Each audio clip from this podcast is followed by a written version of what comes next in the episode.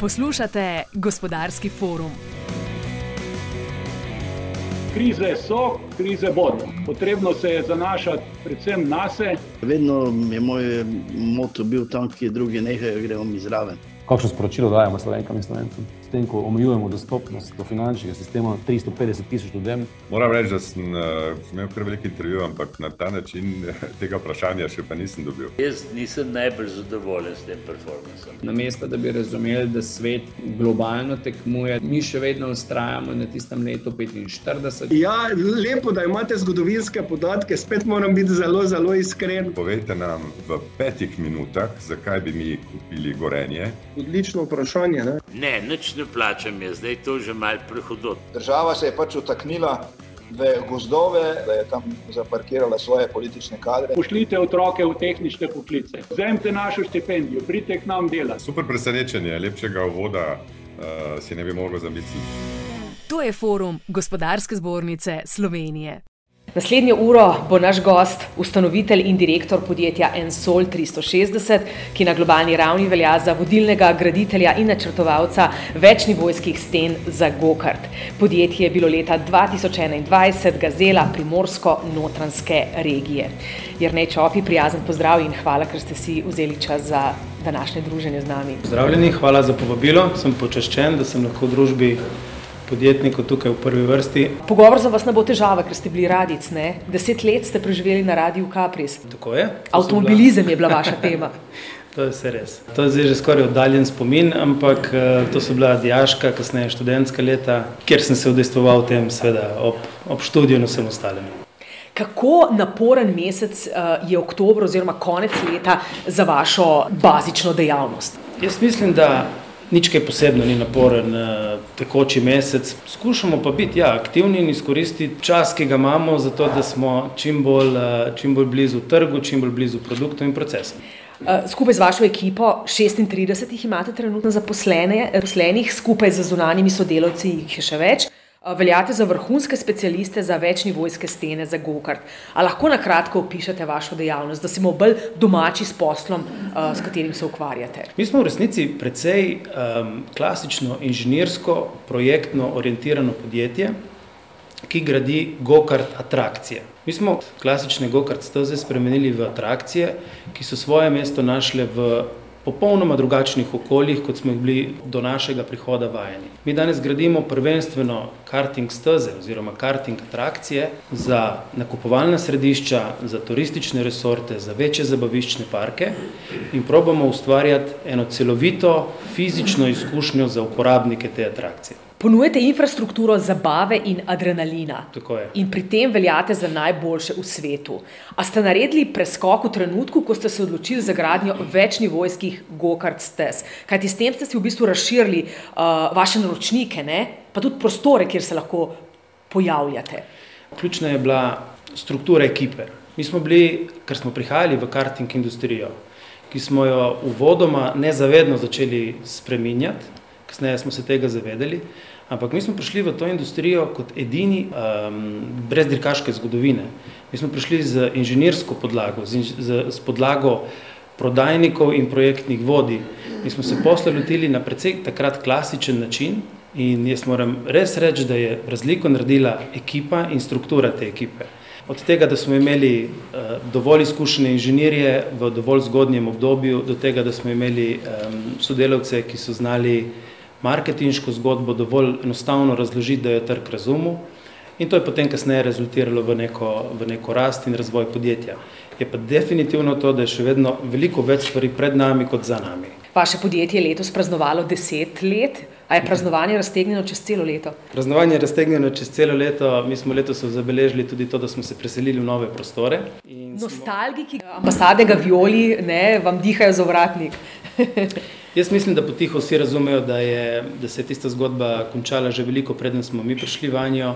In jaz sem rekel na nek način počaščen, da je bila nam dana priložnost, da vdahnemo novo življenje v tisti prostor. Iz Kopra ste se preselili v Izolo, v nekdanjo ambasado Gavioli in zdaj imate v bistvu tam nekakšen laboratorij, ne? poleg skladišča in tja vabite vaše naročnike, da si lažje predstavljajo, na kakih dimenzijah vse lahko sodelujejo z vami. Ne? Laboratorij mi je všeč ta izraz.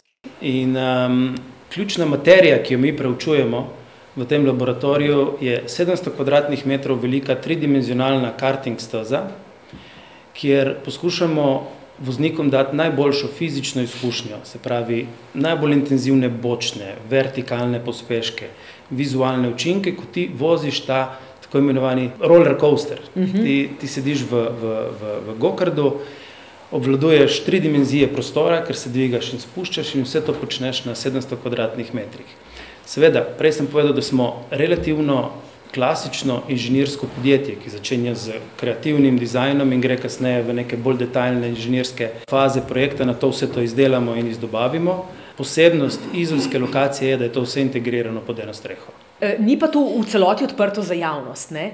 V celoti ni odprto za javnost, e, kasneje v nadaljevanju, dajmo reči v prvi polovici leta 2024, mislim, da bomo lahko ponudili dogodke za zaključene skupine. Je pa to še vedno e, industrijski prostor, poslovni prostor, kjer upravljamo našo ključno dejavnost. Odprti za javnost so naši kupci.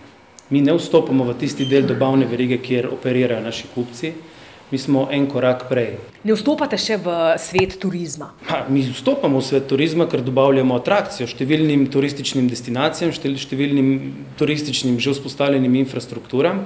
Mi smo tisti, ki prinesemo atrakcijo v neko vzpostavljeno turistično okolje. Zelo pogosto, taki so naši kupci na vseh celinah, uh, nismo pa mi operaterji. Ko sem prebirala o vašem podjetju, sem dobila občutek, da se razvijate v najvišji prestavi.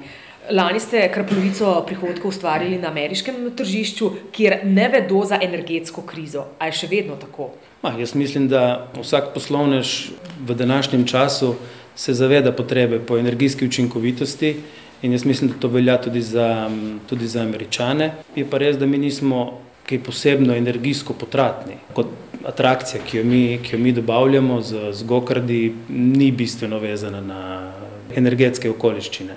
A je bilo tudi letošnje leto leto eksotičnih trgov? Bilo je.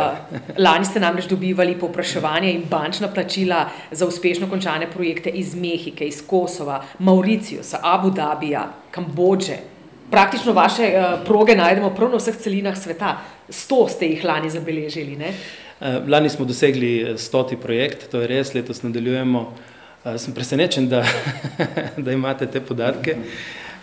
Ja, tako je. Letos obdelujemo prav tako vse kontinente, smo ponosni na to, da lahko odpiramo nove trge kot, kot slovensko podjetje. Naše vodilo še vedno staja, da zelo radi kupimo slovenske roke in pamet in to prodamo v tujino. In če lahko na tej poti dodamo sami tudi neke vrednosti, nam je to še toliko bolj veselje. Ne? Letos smo recimo, um, ravno kar je partner, sodelavec um, odprl nov trg, Vietnam, wow. ki je presenetljivo obetaven trg. To so trgi, ki po gostoti naseljenosti, po demografiji presenečajo za poprečno evropsko predstavo. In tudi sam sem bil, bom rekel, soočen s parimi presenečenji, pozitivnimi, koliko je v resnici potencijala na teh trgih. Kako prijete do teh naročnikov? A hodite po sejmih, svoje pisarno imate na Floridi in v Parizu, a to zadošča ali razmišljate, da bi še kje odprli svoje zastopništvo? Jaz moram povedati, da podjetje Ensol 360 je del ene širše skupine, kjer skupaj s sestrskimi podjetji dejansko tvorimo eno celovito rešitev. To je eden od promocijsko-prodajnih kanalov. Zagotovo je močen promocijski kanal nekaj svetovnih sejmov na to temo. In tukaj bi rad poudaril, da sejem je samo zadnji korak v predhodni pripravi promocijsko-komunikacijskega procesa. Mi se na sejme izredno resno pripravljamo in poskušamo dejansko pobrati že skoraj dozorele sadeže, če se lahko tako izrazim. In zagotovo nismo eni tistih, ki na sejme pridemo, čakamo, da, nas, da nam nekdo stopi na štand. Prijete zelo proaktivno. Ne? Zelo proaktivno za predhodno dogovorjenimi sestanki in to je izkušnja, ki sem se prav tako naučil znotraj ekipe. Tretji in bi jaz rekel, skoraj ključni faktor pri tem, da smo globalno prisotni, je pa desetletna gradnja znamke 360 karting, ki jo dejansko negujemo, pazimo, da v lastnem delovanju, v performansah produkta izražamo tisto, kar ta znamka obljublja. Um, verjetno pa vsako tržišče zahteva neke svoje manire, ne? pa neka svoje prilagajanje sklepom. Ne? V tem letu ali pa v prihodnosti boste gradili tudi v Londonu, v Avstraliji, v Mehiki, Saudski Arabiji, prvič tudi v Iraku, drži? Uh, lahko potrdim, da ja, Irak je že zaključen uh -huh. projekt, nekaj, nekaj jih je že novih v mestnem času. Kulturne razlike, jaz mislim, da po svetu obstajajo, so nekoliko uh, blažje v striktno poslovnem svetu. Pa če sem lahko malček poenostavim vse skupaj, kjerkoli na svetu trden stisk roke in pogled v oči deluje. Naj bo to mogoče malček simbolično rečeno, ne? ampak če boš izpolnil svoje obljube, pa če boš na koncu stisnil roko in pogledal v oči, ne bo nihče nikjer na svetu zamiral, ne glede na to, iz katere kulture prihaja. Je pa res, da um, kar se tiče kulture zabaviščnih parkov, ne, ta je pa najbolj močno zakorenjena v Združenih državah, ne, kar več kot polovica teh zabaviščnih parkov se nahaja v Združenih državah, 40 odstotkov pa v, v Evropi.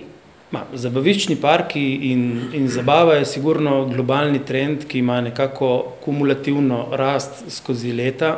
Reda velikosti 10 odstotkov raste ta trg globalno. In zabaviščni parki so, seveda, Amerika je znana po zabavi, pa je mogoče več razlogov za to. Američani med drugim dobijo štiri plače na mesec, ker jih dobivajo tedensko. Ne? Mogoče je to eden izmed, ja, res, ja. izmed, izmed razlogov. Zabaviščni parki so v Evropi, so tudi v, so tudi v Aziji in v Avstralsko-Pacifiški regiji. Mislim, da en ključnih preobratov, ki je nam kot inženirskemu podjetju, ki dobavlja konkreten produkt, svojo blagovno znamko 360 karting, nam se je velika priložnost odprla skozi nekako zamiranje tega trenda nakupovalnih središč, kjer so američani, tudi evropejci, pa če se lahko poslužim ameriškega, angliškega izraza, shopping is not enough for shopping malls. Oziroma, nakupovanje ni dovolj za nakupovalna središča. Se pravi, nakupovalna središča so iskala dodatne vsebine. Mi smo se na to zelo hitro odzvali, zaradi dizajnersko-inženirske kompetence, ki jo imamo v hiši, smo lahko ponavadi obsežno karting atrakcijo, ki je zahtevala 2000 kvadratnih metrov, relativno hitro reinženirali in jo pripravili na 700-800 kvadratnih metrov. Tukaj je tudi odgovor, zakaj v več nivojev, med drugim. In smo s tem bistveno povečali prebojnost na trgu oziroma razpoložljivost primernih lokacij. In uh, ta trend bomo zasledovali tudi v bodoče in bomo v shopping mole, v nakupovalna središča dobavljali čisto vozniško fizično izkušnjo v obliki zabave. Za vsem tem bojo postali naši procesi in naši inženirji, ki dejansko tako na dnevni bazi vlagajo veliko truda, da zadeva lepo zgleda na vzven, na vznotraj pa malo bolj kompleksna. V bistvu prenašate zgodbe ne samo nakupovalna središča, ampak tudi priložnosti za svetovne prestolnice, kako vdahniti neko novo življenje zapuščenim industrijskim prostorom. Recimo, Moram reči, da ko smo mi vstopili v industrijo karting zabave, je bil naš tipičen kupec je bil, moški. No, to je bil kupec našega kupca, pa je bil tudi ponavadi dirkaški entuzijast. Uh mhm. -huh. Danes je tega veliko manj, odstotek žensk oziroma dam je bistveno zrastel, odstotek eh, otrok med uporabniki naše atrakcije tudi bistveno zrastel. Vse to se je zgodilo zato, ker je ta atrakcija skozi tudi to, kar smo mi razvili na trgu, postala čista, tiha in varna. Še bistveno bolj, eh, bolj varna, kot je, bila, kot je bila prej. Enkrat, ko smo imeli to trdno bazo, vozniške izkušnje pokrito, je prišla na vrsto tehnologija, ki, kot jo danes poznamo, od interaktivne LED osvetlitve do gamifikacije, se pravi, da so gor določene igre in določeni programi, ta audio kulisa in tako naprej. In virtualna to, resničnost. Ja, virtualna resničnost se nekako izogibamo, ker s tem v bistvu kanibaliziramo fizično izkušnjo. Všeč mi je izraz kanibaliziramo. Ja. Ja, ja. Pred desetimi leti smo mi gradili veliko v opuščenih industrijskih stavbah. S tem, ko smo mi začeli razumeti dejansko, kaj so sploh pravila industrije, v kateri delujemo, smo kaj kmalo ugotovili, da našega kupca zanima, kolikšen prihodek lahko naredi na kvadratni meter letno. In smo zelo, zelo maksimizirali ta parameter. Smo na to našo atrakcijo naredili toliko profitabilno za investitorja, torej za našega kupca, da si on lahko privoščil plačevanje najemnin ali celo nakup poslovnih prostorov v bistveno bolj premium uh, predeljih mest. Mm -hmm skozi maksimizacijo tega trenda, se pravi, da smo mi naredili atrakcijo še toliko bolj profitabilno, toliko bolj zoptimizirano, smo dobili vstop v sama središča mest, kot je Pariz, London, nekatera nemška mesta, v New Yorku imamo šest lokacij pokritih In najemnine so nepredstavljivo visoke v teh mestih. New Jersey, Orlando. Ja, recimo. Ne. Imamo kar eno oko na tem, da delamo atrakcijo, da delamo sistem, ki je profitabilen, ki se našim investitorjem izplača. A boste v prihodnje razvijali pustolovske parke?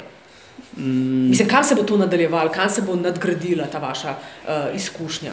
Mi je zelo všeč to vprašanje, hvala, bomo malo skupaj razmislili. Definitivno bomo še naprej gradili na tem, če mi dovolite en korak nazaj. Ne? Um, nekdo, ki investira s 360 kartingom v karting atrakcijo, je nekdo, ki je lastnik nakupovalnega središča, turističnega resorta ali pa nekega zabaviščnega parka. Zato, da njegov posel živi, je ključno, da ljudje dvignejo ta zadnjo in pridejo do njega. V trenutku, ko se za tisto, kar se na tej lokaciji dogaja, najde digitalna alternativa, pač tega out of home entertainmenta, te fizične prisotnosti ne bo več tam. To se je zgodilo na kupovalnim središčem, predvsem v času COVID-a. Naenkrat smo začeli kupovati na, na spletu. Zato bomo mi ostali zelo, zelo zvesti fizični izkušnji, tam, kjer naše telo občuti pospeške v različne smeri, dobi realne vizualne uh, vtise in bomo s tem skrbeli, skrbeli za to, da bodo naši kupci, torej investitorji v to atrakcijo, dejansko fizično na svojo lokacijo privabljali ljudi. Ker ob vsem high-techu na koncu rabimo, na koncu dneva rabimo high-touch. High-tech je začimba, fizična izkušnja je pa osnovna, osnovna jed in uh, ne smemo se zneviriti temu. Tako da mi bomo ustrajali pri tem, da bomo razvijali vrhunske 3D trajektorije v prostoru, da bomo dejansko delali 3D trajektorije, kjer bodo človeška telesa izpostavljena nekim intenzivnim, ampak še vedno gladkim in prijetnim občutkom. Ženske ste prej omenili.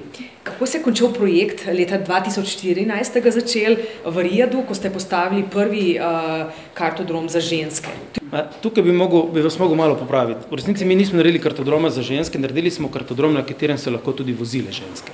Vse je epsko. Ja, za, za, tiste, za, tiste... za tiste razmere in za tisti čas, sigurno. V Saudski Arabiji se je veliko stvari spremenilo. Jaz verjamem, da mogoče kdo izmed vas ve več o trgu Saudske Arabije kot jaz. Mi smo bili dol prisotni, mogoče na petih projektih. Saudska Arabija se je začela zavedati pomena sreče aktivnosti pri svojem prebivalstvu. Oni imajo neke vrste ministrstvo za narodno zabavo, razvedrilo. Res? In temu namenjajo velika pomembna sredstva. Del tega je seveda so tudi vlaganje v družinske zabaviščne parke. Prav v letih, tukaj me bo mogoče kdo popravil, jaz mislim, da v letih 2013-2014 so v Saudski Arabiji ženske začele tudi upravljati vozniški izpit in to je odklenilo vrata tem kartodromom.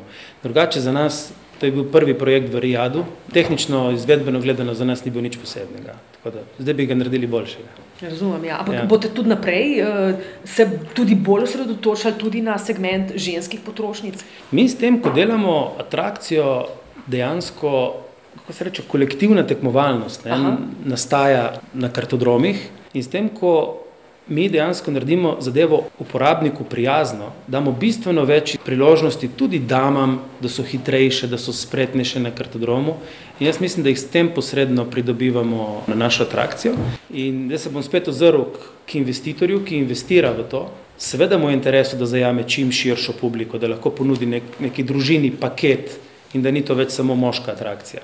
Radi poveste, da ste na prvo pot v Ameriko odšli z enim kovčkom, na naslednjo pot pa ste odšli s šestimi kontejnerji opreme. S čim ste jih prepričali? To je tudi zgodba iz skoraj da izpred desetih let. To je bil prvi projekt v Koloradu, je bil, je bil naš prvi touchdown, bi rekli američani. Mi je toplo pri srcu, ko se spominjam teh prvih začetniških korakov, polnih spotikanj na ameriškem trgu. Zelo nebogljeni smo bili. Kaj vitamin ste tam prišli v Ameriko, ne si predstavljam? Ja, iz prene... Slovenije, iz ja. neke Slovenije. Prinesli smo tist, tisto lakoto, ki jo imaš na, kot, kot podjetnik, začetnik, ko je kar odločilno, ali boš podpisal tisti dan ali ne boš. In te doma ekipa čaka in so veseli teh novic. Jaz tukaj res bi položil vsakemu podjetniku na, na, na dušo, da to lakoto po uspehu, po odkrivanju novega, da to ostane v ekipi. In vse to ni nikoli konstantno, to vedno niha. Ne? Vedno si poiskati ta izziv in za nas Amerika je bila težka. Mi smo v Ameriki videli Boga, bi rekli, ne? ampak nas je veliko naučila in je mogoče še danes gorivo, kako je bilo nekoč in kako je prav, da tudi marsikaj ostane. da ostanemo lačni po odkrivanju novih horizontov in takrat Amerika je bila nov horizont za nas. A so vam pogosto zastavili vprašanje, koliko propadlih zgodb imate za sabo in odgovor nič, je napačen odgovor, ne? Ja, ja, jaz sem dobil to vprašanje od parih poslovnih partnerjev v Ameriki in je bilo zelo direktno, ne koliko krat si že propadel v biznisu. In jaz sem rekel, enkrat sem pa res, skoraj. In je rekel, možakar, uf, dobro, sem se bal, da boš rekel, da še nisi, ker to je nekaj, kar moraš imeti v, svoj, v svojem portfelju. Ne. Propad ne pomeni pustiti za sabo dolgov, ne pomeni pustiti za sabo razočaranih ljudi, ne pomeni biti lump. Zaključek ene zgodbe je lahko fair, je lahko um, transparenten in je lahko nek nov štart za marsikoga. In jaz absolutno neuspele zgodbe ne bi enačil z lumparijo in to je mogoče nekaj, kar je tudi bi lahko bilo eno sporočilo za slovenski podjetniški prostor. In v tujini se je to, bilo, je to bilo cenjeno kot nekaj, kar imaš upisano skoraj malo manj kot eno diplomo v, v svojem CV-ju ali pa svojem portfelju izkušenj. Kaj sicer so vas še naučili američani? Jaz bi rekel tako, Amerika, Amerika je ena dobra šola. Prvo, prvo je dobra šola za, za vse nas, ki živimo v Sloveniji, da postanemo zelo hvaležni za to, kar živimo tukaj, da cenimo in da smo pripravljeni vlagati v ta prostor vse, kar znamo, zmoremo in, in dosežemo konec koncev skozi poslovni vsak dan. In jaz sem velik zagovornik tega. In vodim podjetje skupaj z, z, z ekipo, skupaj s partnerjem. Drugo, kar so nas naučili američani, je to, profitabilnost je ključna za vsako podjetje. Noben zaposlen, noben sindikalist, nihče si ne želi delati v neprofitabilnem podjetju. In profitabilnost ni nič slabega, je kvečemu nuja za skupno srečo, za skupno prihodnost in stabilnost. In recimo to je bila ena lekcija, da se, da se tudi v podjetju danes bistveno bolj odprto pogovarjamo o profitabilnosti. In profitabilnost ni nekaj, kar vodi v razvrat, ampak je nekaj, kar vodi v stabilnost in v preomenjeno odpiranje horizontov profitabilnost vodi v razvrat, spet mi všeč ta izraz. Ja. Um, kako so pa vaši zaposleni udeleženi pri dobičku, glede na zelo uspešno preteklo leto no, in glede na uh, super sezone zadnjih let, ki jih beležite? Ja, to bi bilo mogoče zelo dobro vprašanje za njih, kako zaznavajo finančno stabilnejša in finančno manj stabilna obdobja. Konec koncev, mi smo kot podjetje v zabavični industriji šli tudi skozi COVID. Trenutno plujemo, finančno smo relativno uspešni, v bistvu zelo uspešni za naše majhne razmere, mi smo še vedno v nišni industriji. Lahko pa rečem to, ja, izplačujemo bonuse in to se odrazi na, na prejemkih zaposlenih. Prej, ko smo govorili o, o američanih in ste omenili en neuspešen projekt. A je bil to vaš start-up iz leta 2012? Ko ste se ukvarjali z specialnimi polimernimi izdelki in ste bili mogoče malo pred časom, in potem ste to podjetje prodali skupini Roto. E, ne, jaz nisem bil nič pred časom, jaz sem bil samo premalo izkušen. To je bilo, to je bilo nič ni bilo tako inovativnega tam. V čem se je kazalo, da ste bili premalo izkušeni? Recimo ravno o tem, o čemer se danes pogovarjamo, o pomenu, o pomenu um, strukturiranja nekega procesa, o pomenu zavedanja ključnih poslovnih parametrov, ki veljajo za en produkt na trgu. Če danes proizvajamo ta produkt, je treba zelo dobro razumeti, kako bo ta produkt ustvarjal koristi v trenutku, ko bo prodan. Mi to danes bistveno bolje razumemo, kot smo razumeli takrat. Podjetje Pensito, ki je dejansko kasneje šlo v drugo lastništvo, tako potem počasi ugasnilo. Teh znanj ni imelo. Jaz sem se tega lotil, mogoče kanc prezgodaj. Rad govorim tudi o tej zgodbi. No, mi je mi ni, mi ni nič, bom rekel, ne bežim stran od te zgodbe. Je, je, je taka izkušnja, ki me je naredila takšnega, kot sem danes, pa bi verjetno lahko bil tudi boljši. Kdaj je vaše podjetje preraslo iz ponudnika produkta? V ponudnika storitev in kasneje v neko inovativno fizično izkušnjo. Mi kot podjetje smo začeli kot ponudnik komponent za dirkališča. Mi smo imeli nekaj komponent, če si predstavljate zaščitne ograje za dirkališča. In smo bili komponentni ponudnik. Kasneje smo mi zadevo nadgradili in smo postali projektni ponudnik. Kupcu nismo več rekli, gledaj, imamo komponente, ampak smo rekli, poznamo tvoje razmere, poznamo svoje komponente, to bomo zapakirali na celoto, ki se reče projekt. In če se tukaj podpišeš, bomo ta projekt izvedli za. Rešitev ste mu ponudili. In jaz mislim, da tam je začelo, se je začela rojevati storitvena filozofija, kljub temu, da smo bili v produktnih vodah. Pravi začetek preporoda razumevanja našega posla je pa bil s tem, ko smo se poglobili v našega prvega kupca. Ne? In še enkrat bom podaril, 360 karting naredi atrakcijo in jo proda vam kot investitorju, ki ste tudi v vlogi operaterja. In vi ponujete Poštjanu to, ki pa pride voziti in plača karto. Se pravi, business to business, business to customer, B2, BC. Okay? In ko smo mi začeli razumeti to relacijo B2B, smo razumeli ključne parametre in smo zadevo naredili profitabilnejšo za našega investitorja. V tem obdobju smo mi rekli razumevanje biznis inženiringa. Mi smo tukaj se začeli spuščati dejansko v ključne poslovne parametre na relaciji B2B. Kasneje, dve pa pol leti kasneje, smo se začeli ukvarjati z razmerjem med vami in vašim uporabnikom. To je pa uporabniška izkušnja. Kako bo naš produkt vplival na uporabniško izkušnjo, ki jo boste vi kot investitor dobavljali končnemu kupcu. Temu smo rekli experience design. In to živimo še danes in se vsak dan nekaj novega naučimo. Prihaja pa obdobje, ko želimo produkt preroditi, ga narediti še manjšega, prostoru še prijaznejšega in ga s tem še toliko bolj razširiti na trgu. Temu pa pravimo neka reinvencija industrije.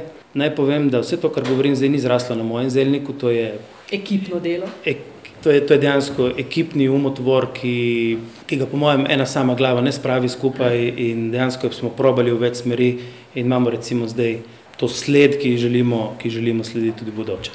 Ko ste menili ekipo, ste imeli v mislih vaših 36 zaposlenih plus zunanje sodelavce, najverjetneje? Nas je malo več kot 36, smo nekaj zaposlovali v mestu, tako da smo kar krepko preko 40. Katere kadre v tem momentu še iščete? Imate tudi vid, koliko večina uh, delodajalcev težave z iskanjem delovne sile? Največ zaposlujete lokalno okolje, ne? iz obale se pa k vam vozijo tudi par primerkov iz Ljubljane in nekaj iz Postojne. Mi je všeč to, da se ljudje pripeljajo na obalo, pa da čutijo majstral poleti, pa borijo po zimi. Nimamo posebnih težav s kadri. Letos smo zaposlovali na področju projektnega vodenja, na področju inženiringa.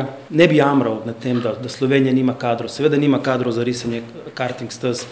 To je pač preprosto naloga nas kot menedžmenta, da take kadre identificiramo in jim pomagamo, da se znotraj okolja, ki smo ga ustvarili, razvijajo. Tako da, da bi rekel, da je prav nek strašen manjko kadrov. Slovenci smo pametni ljudje, smo pridni, se znamo organizirati. Je pa zelo odvisno od tega, koliko, kako interagiramo med sabo. To je veliko odgovornosti na meni in na mojih najožjih sodelavcih. Kako vam, glede na zmeraj bolj raztoča vojna žarišča in na rast cen energentov, um, razmere poslovanja otežuje nestabilna globalna logistika? Razmere na, logistič, na globalnem logističnem trgu se umirjajo, cene padajo, na transatlantskih rutah te cene zdaj konstantno padajo, mislim, da že šest mesecev. Zdaj, seveda, če mi prodajamo v Ameriko in imamo med nami in američanom deset kontejnersko pošiljko in vsak kontejner stane preko deset tisoč evrov, je to nekaj, kar ne prispeva k tvoji konkurenčnosti. Na tebi, ki posel razvijaš tudi v pričo kupca, um, pa je zdaj, kolikšni profitabilnosti se boš odrekel, oziroma koliko bolj se boš potrudil, da boš dejansko projekt, poslovno rešitev naredil še vedno konkurenčno in znal prikazati, da cena logistike na življenjskem ciklu tega, česar se skupaj s kupcem lotevamo, ni ključna. Kdor želi vložiti v go-kart atrakcijo ali pa celo v nek zabaviščni park, kjer smo mi zraven in mu ključno vpliva uh, logistika na odločitev, pomeni, da ni naredil domače naloge in se ni dovolj dobro začrtal, dovolj daleč začrtal svoje poslovne trajektorije. Je pa na nas, da to preverjamo in pomagamo pri to vrstnih razmišljenih kupcem. Vaše podjetje predvsej dela z železom in polimeri ter uporablja elektronske komponente. Kako pa se soočate s pomankanjem teh materijalov? Pomankanje teh materijalov, mislim, mi ga ne zaznavamo. Uh -huh. Bili so določeni pretresi, predvsem v februarju 2022, ko se je začela rusko-ukrajinska kriza. Jaz moram reči, mi smo bili v relativno dobri finančni poziciji, smo zakupili nekaj več materijalov, nekaj več truda smo mogli vložiti, naš nabavno-logistični oddelek je mogel sprejeti kakšne hitrejše odločitve, se malo prilagoditi. Smo preživeli nekako. Povejte, kako je sodelovati z Marijom Andretijem, ki ga postavlja v bok Šumaherju pa Ayrtonu Seni. In kako vam je uspel, da je izbral vas v konkurenci z Italijani, Nemci, Angleži, Američani? S čim ste ga prepričali? Danes smo večkrat omenili, da smo, da smo slovenci in živimo v slovenskem prostoru. Jaz moram povedati, da mi živimo tudi v istrskem prostoru. Ne? In jaz ne vem, koliko vas tukaj ve, da dejansko Marijo Andret je eno največjih imen v zgodovini dirkaštva. In on je rojen v Motovunu. Ja. Tako da to nam je dalo malček jadra v vetra, ma ne dosti. Tako da na koncu je bil še vedno odločujoč koncept in poslovna rešitev, ki je stala v ozadju. Z njimi smo razvili eno večletno partnerstvo. Oni so zdaj eden izmed vodilnih ponudnikov indoor karting zabave v Ameriki. In za nje ste postavili kartodrom v Orlandu, mestu z Disneyjevim in Lego zabaviščnim parkom, ki ga letno obišče 60 milijonov turistov. Sliši se bingo. Orlando je strašno. Orlando je res prestolnica zabave.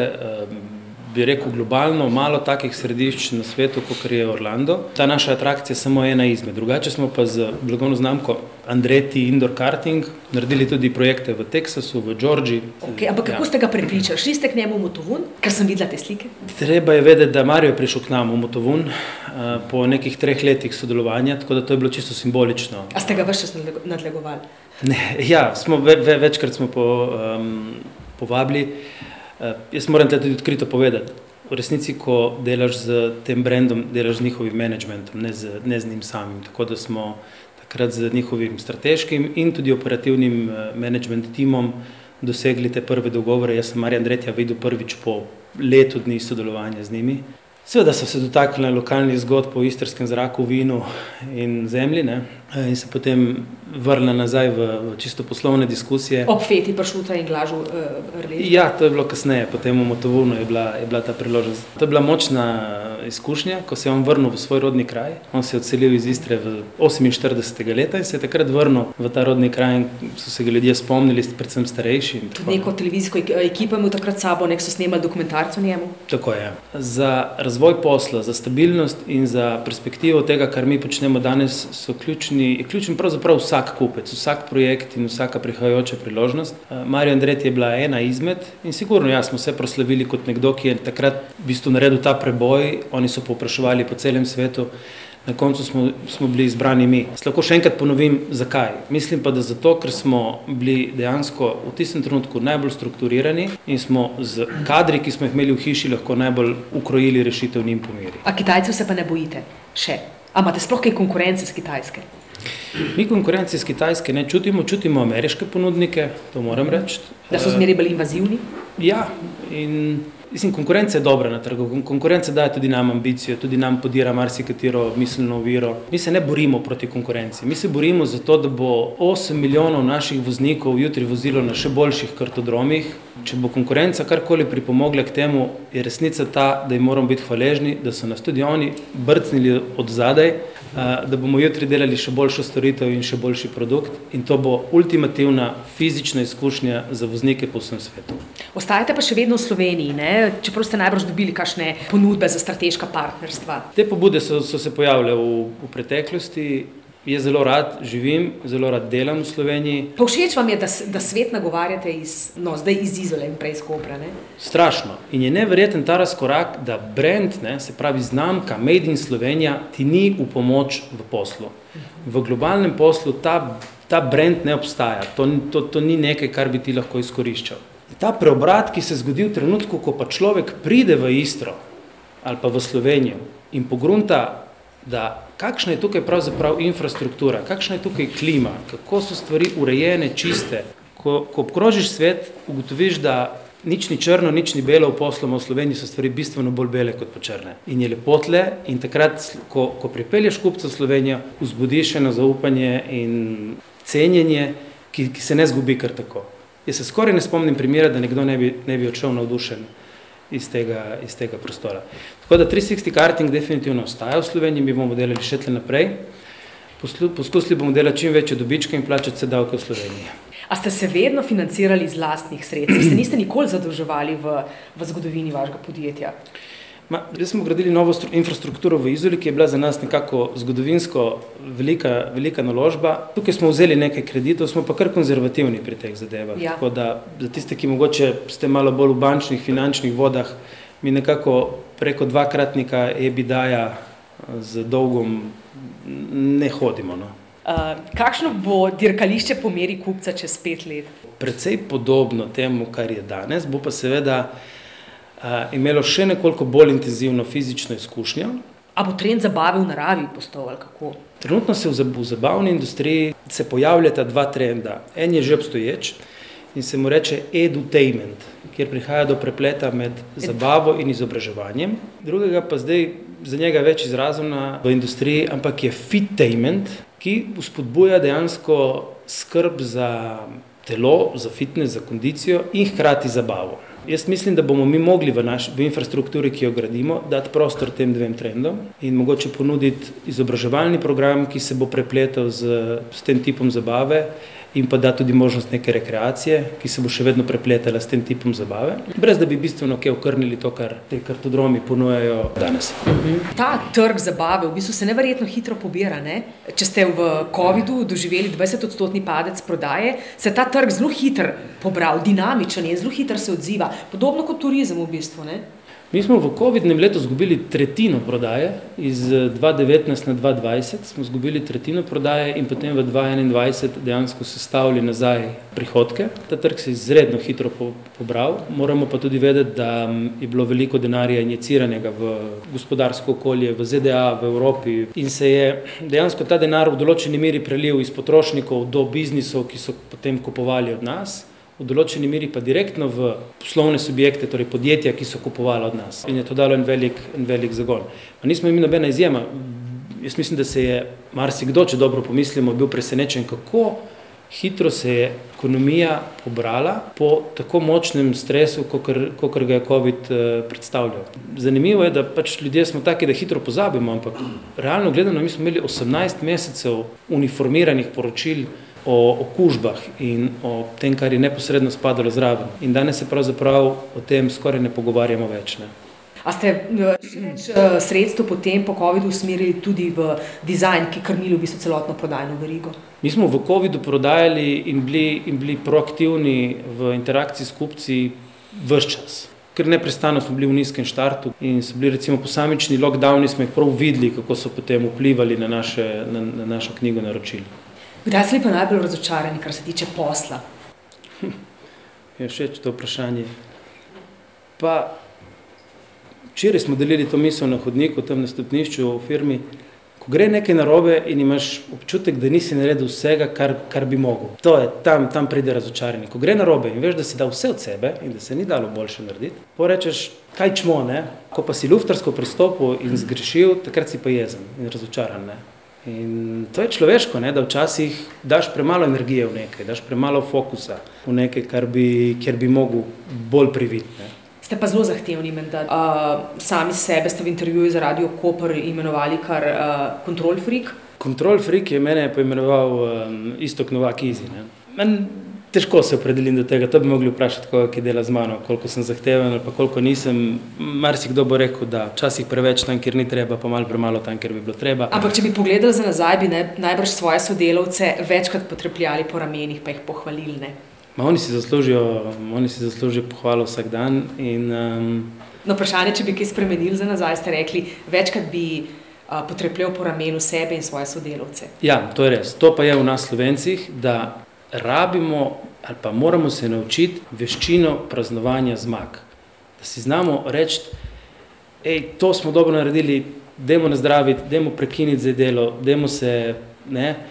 Veš, recimo, gledam športni menedžment. Kako je fino v športu, ker veš, kratkoročni cilj je zmagati naslednjo tekmo, srednjeročni cilj je zmagati uh, sezono in dolgoročni cilj je postati, ne vem, most pa, pa najboljši igralec. Veš, v poslu je počasih težko najti, katera je zdaj naslednja tekma in kako bomo naredili, da se ta tekma ne prepleta z pripravami na že naslednjo tekmo in kako bomo ustvarili tisti prostor za proslavo. Jaz mislim, da to daje veliko zdravja v timski duh. Veščina in... praznovanja zmag. Zelo ja. všeč mi je ta izraz. A ste ga do, od američanov pobrali? Ne, to sem ne? si ga zdaj izmislil. Ne, ne, všeč, si seksi. Iskre, iskreno, ja. ja. Mogoče to lahko v ritual vaše, eh, ne, vašega posla in poslovnega obnašanja znotraj podjetja uvedete. Ne, ne, vse to se trudimo, samo včasih sam nisi, nisi dorasel temu, da bi nekaj zares praznoval. Ne. Boste pa naredili vse, da obdržite fizično izkušnjo, ne? to je ta dodana vrednost. Ma, jaz mislim, da fizična izkušnja v naši industriji je okus mesa in ribe v restauraciji.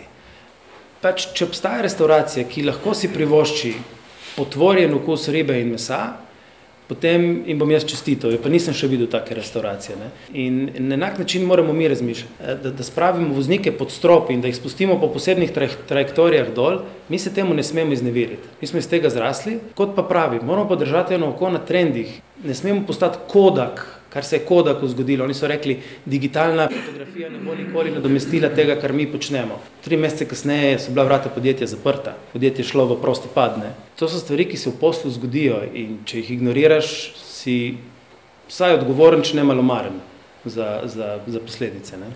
Ne? Ker pač mi moramo držati eno oko na teh digitalnih alternativah in če se bojo zgodile, mi ne bomo pihali proti vetru, ampak bomo pač se na to prilagodili in odigrali igro. Ne? Tako da bi pa še rekel to, no, mi imamo en uspešno izveden projekt z izredno uspešnim operaterjem v Sloveniji, to je VUP Karting Ljubljana. Uh, in tam to je odprto za javnost, zelo dobra izkušnja, tako uporabniška kot vozniška. In, um, če bi slučajno kdo zašel v BTC in si želel to ogledati, tisto je en projekt, ki nam je tudi ponosno. V gimnaziji niste imeli samih petic, pogosto ste tudi špricali šolo. Ne? Moj gimnazijski uspeh res ni nekaj, kar s čimer bi se bilo zahvaliti. Jaz pa dva najboljša prijatelja smo trije skupaj imeli toliko točk, kot eh, jih je imel najboljši v razredu, na maturi. Zdaj imam hčero v gimnaziji in potiho bom rekel, jaz bi raje videl, da se zdaj nauči kriznega menedžmenta v gimnaziji, kot pa pri svojih 40-ih. Jo spodbujate k špricanju? Ma dobro, tudi ženo imam. ki daje neka pravila, mogoče bi mi. ne, mislim, da je tako, bom rekel, šola. Ti daje ene vrste izkušenj, ostale institucije, ne zraven, pa drugačne. Ne? Tako je. Drugačne veščine. In ni konec sveta, slab uspeh v šoli, je pa treba tiste discipline, kljukice, mora biti šolo, treba narediti, kaj ćemo zdaj. Ne? Gimnazijski petek oziroma petkovanje je še danes del vašega vikend je, rituala. Je, je, je. Še zahajate v Rampin, v eno najstarejših gostiln v Kopru? Ne, ne, to smo nadgradili, ampak je pa še vedno ista, ista gimnazijska ekipa, vsak drugi petek. Brez klica se dobimo. super, super. Držite ta tempo, tudi to je del vašega uspeha v poslu. Je, jaz se vam zahvaljujem za, za to debato in se zahvaljujem za čas, ki, smo, ki ste ga namenili temu, da ste poslušali nekaj o naši zgodbi. En velik, velik aplauz za našega gosta. Hvala, ker ste bili z nami.